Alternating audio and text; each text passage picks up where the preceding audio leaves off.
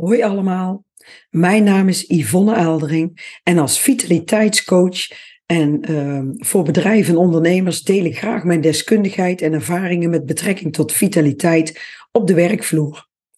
Nou, en ik heb vandaag weer een heel leuk thema. Ik probeer altijd thema's ook uit mijn dagelijkse praktijk te nemen. En uh, is misschien wel even leuk om te vernoemen. Uh, hè, want als vitaliteitscoach ben je ook maar een mens. Ik leef heel gezond. Hè, ik heb er een gezonde leefstijl, hou ik erop na. Maar ik wilde deze podcast al eerder opnemen. Maar uh, het lukte niet, want ik had geen stem. Want ik had uh, afgelopen weekend had ik uh, een leuke zaterdagavond gehad met uh, tribute bands. Veel meegezongen en mijn stem was eigenlijk weg. Goed, het gaat weer een stuk beter. Dus vandaag ga ik met jullie praten over psychosociale arbeidsbelasting. En ik ben bij een bedrijf ben ik bezig met uh, de risico-inventarisatie-analyse. En um, ja, weet je, daarin komt gelukkig inmiddels komt ook uh, de psychosociale arbeidsbelasting komt aan bod. Uh, en ik ga wat meer vertellen over wat dat nou precies inhoudt. Maar allereerst is het goed om te vernoemen dat de meeste mensen, ja, die brengen eigenlijk een groot deel van hun tijd op hun werk door. Hè, en de omgang met collega's, met derden, hè, zoals cliënten, patiënten, klanten, uh, kan van alles zijn, hè, kan heel veel, heel veel invloed hebben op hoe iemand zich voelt. En zeker als er sprake is van ongewenste omgangsvormen, hè, zoals pesterijen, agressie, geweld, discriminatie of seksuele intimidatie, dat kan behoorlijke impact hebben op iemand. En dat kan zelfs ook het werkplezier uh, ja, verminderen. En uiteindelijk kan het zelfs tot verzuim leiden. Nou, en dat is absoluut niet wat we willen. Nou, ook kan er verder sprake zijn van een hoge werkdruk, werkstress. Um, ja, als er sprake is van dus die ongewenste omgangsvormen of een hoge werkdruk, ja, dan kan dat stress teweeg brengen. en dat kan zowel lichamelijke, psychische als sociale klachten veroorzaken. Maar de Arbowet noemt dit psychosociale arbeidsbelasting. Afgekort noemen ze het ook wel PSA. En het is wel goed om te vernoemen dat die PSA, die psychosociale arbeidsbelasting, dat die ook in de Arbowet beschreven is.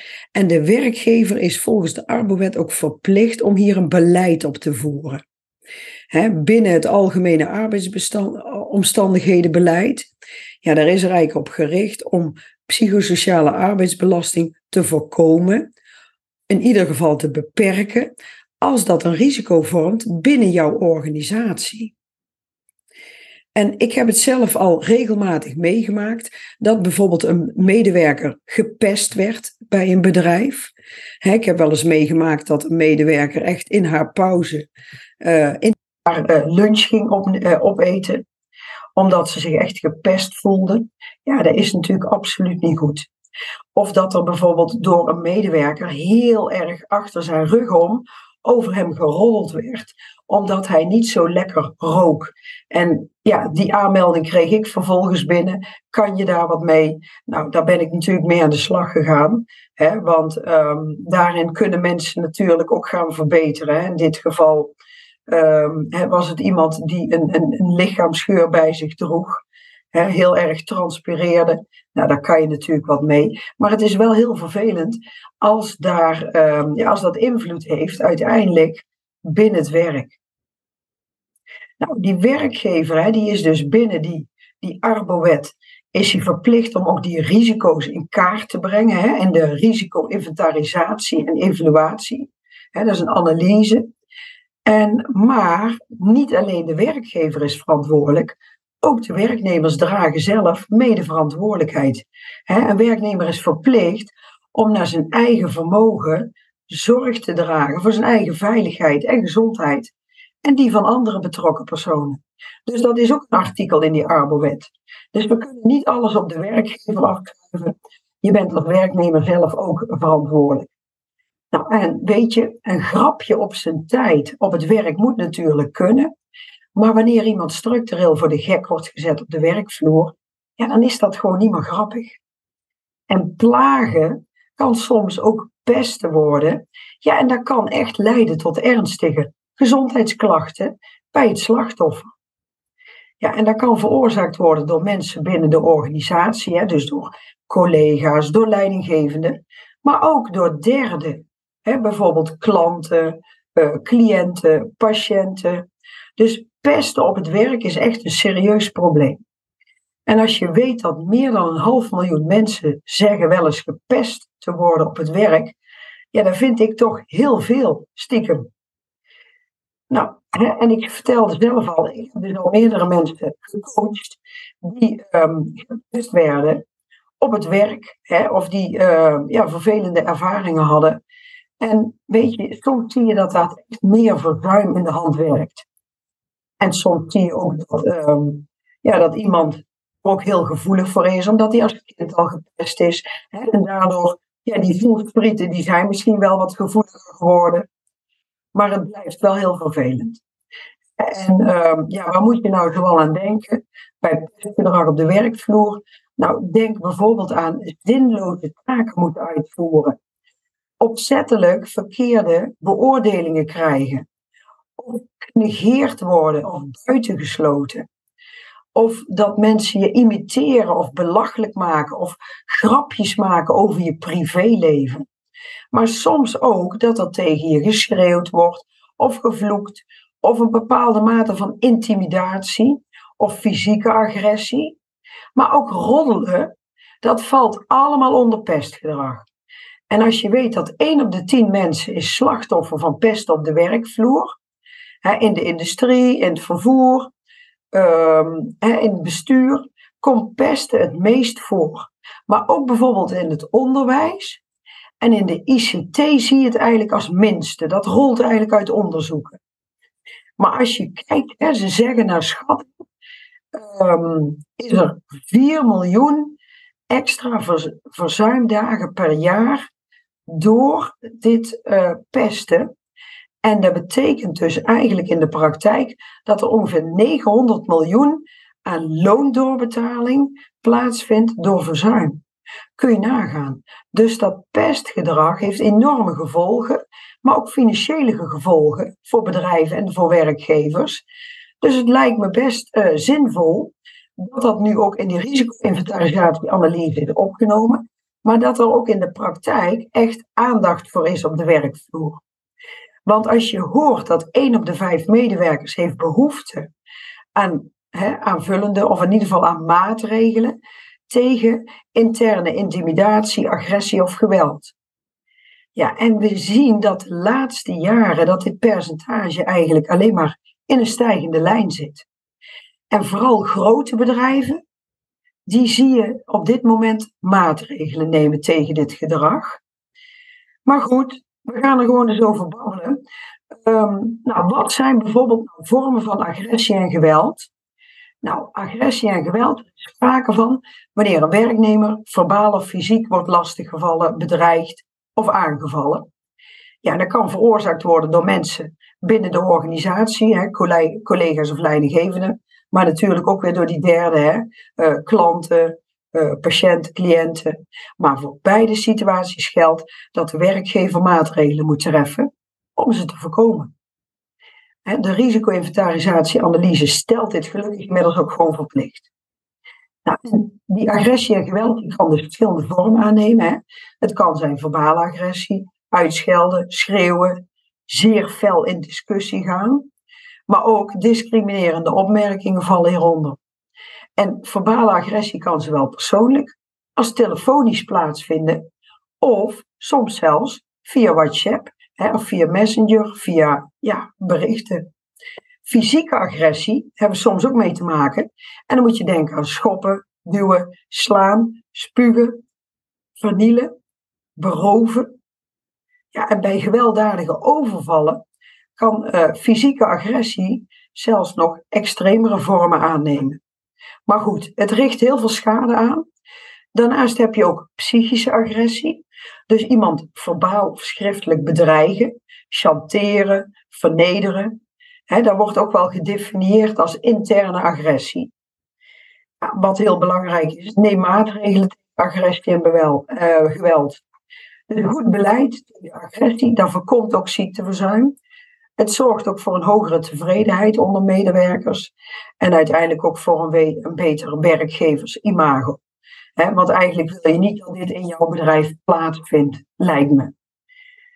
Nou, een volgende vorm, wat ook onder die psychosociale arbeidsbelasting valt, is discriminatie. Ja, en dat vindt helaas ook op het werk plaats. En van alle discriminatieklachten die binnenkomen bij het College voor de Rechten van de Mens, heeft meer dan de helft te maken met arbeid. En discriminatie op het werk, dat kan op verschillende momenten plaatsvinden. Hè?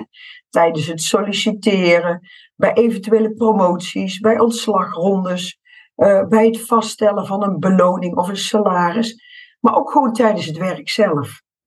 En het kan veroorzaakt worden de mens, door, ook weer door de mensen binnen de organisatie, maar ook weer door derden. En wat zegt de wet nou over discriminatie op het werk? Want dit is natuurlijk ook opgenomen in de Arbowet, onder het kopje psychosociale arbeidsbelasting. Nou, werkgevers zijn op grond van deze wet verplicht om een beleid te voeren dat erop gericht is ja, om deze vorm van arbeidsbelasting te voorkomen of te beperken. En dat is maar goed ook. Maar waar moet je nou zoal aan denken? Wat valt er nou precies onder die discriminatie op het werk? Want dat is heel veel. Ehm, in de wet kennen ze verschillende gronden waarop in de werksituatie ja, gewoon geen ongeoorloofd onderscheid gemaakt mag worden. En dat mag dus niet op basis van gezondheid, uh, godsdienst, levensovertuiging, politieke overtuiging, ras, geslacht.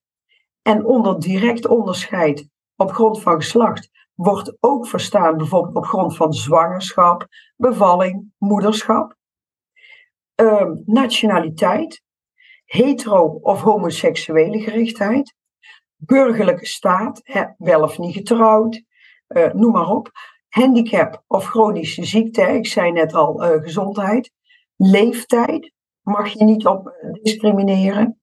Ja, twee tips hierbij is eigenlijk, laat je medewerkers heel duidelijk weten dat discriminatie niet geaccepteerd wordt. Een andere tip is, geef zelf het goede voorbeeld. Maak geen onderscheid in het bedrijf en de handel. Ehm, niet bij sollicitaties, maar op allerlei fronten niet. En zorg gewoon voor een goede afspiegeling Ehm, van de bevolking in je personeelsbeleid. Dus dat zijn uh, alvast twee tips. Nou, een volgende onder de psychosociale arbeidsbelasting is seksuele intimidatie. Ja, dat is op het werk is dat eigenlijk elke vorm van seksuele toenadering, hè, ehm, maar ook verzoeken van om seksuele gunsten of ander seksueel getint gedrag. Hè, en dat kan zijn verbaal, non-verbaal, fysiek dat mag allemaal niet in de werkomgeving. Alles wat ongewenst wordt ervaren, is eigenlijk niet oké. Ja, en dat kan veroorzaakt worden ook weer door uh, binnen de eigen organisatie, maar ook door derden. Hè? En werkgevers die zijn ook echt verplicht om alle vormen van seksuele intimidatie zoveel mogelijk te voorkomen. Nou, en je hebt allerlei vormen. Soms zie je zelfs dat er een combinatie is. Hè? Mensen kunnen bijvoorbeeld uh, intimidatie, uh, hè, seksuele intimidatie ervaren door woorden. Dus dan is het echt verbaal. En dan moet je denken aan seksueel getinte opmerkingen, grappen, uh, intieme vragen stellen of toespelingen maken. Ja, dat is gewoon niet oké. Uh, maar ook gebaren of een bepaalde gezichtsuitdrukking, dus dat is echt non-verbaal. Dat kan bijvoorbeeld zijn staren, uh, seksueel getinte gebaren of het tonen van seksueel getinte of pornografische afbeeldingen. Hè, dat kan ook zijn via e-mail of via WhatsApp of via sms. Want dat is tegenwoordig ook hè, uh, heel erg actueel. Niet alles is meer direct. Nou, wat natuurlijk een hele duidelijke vorm is, is direct lichamelijk contact, fysiek. Hè, dat je aangeraakt wordt. Lichamelijk contact Eigenlijk zijn alle vormen lichamelijk ja, ongewenst.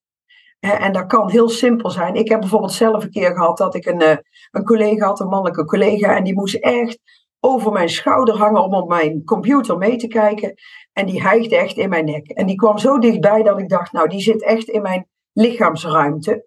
En daar heb ik ook gewoon iets van gezegd, van wil je niet zo dicht tegen me aanhangen.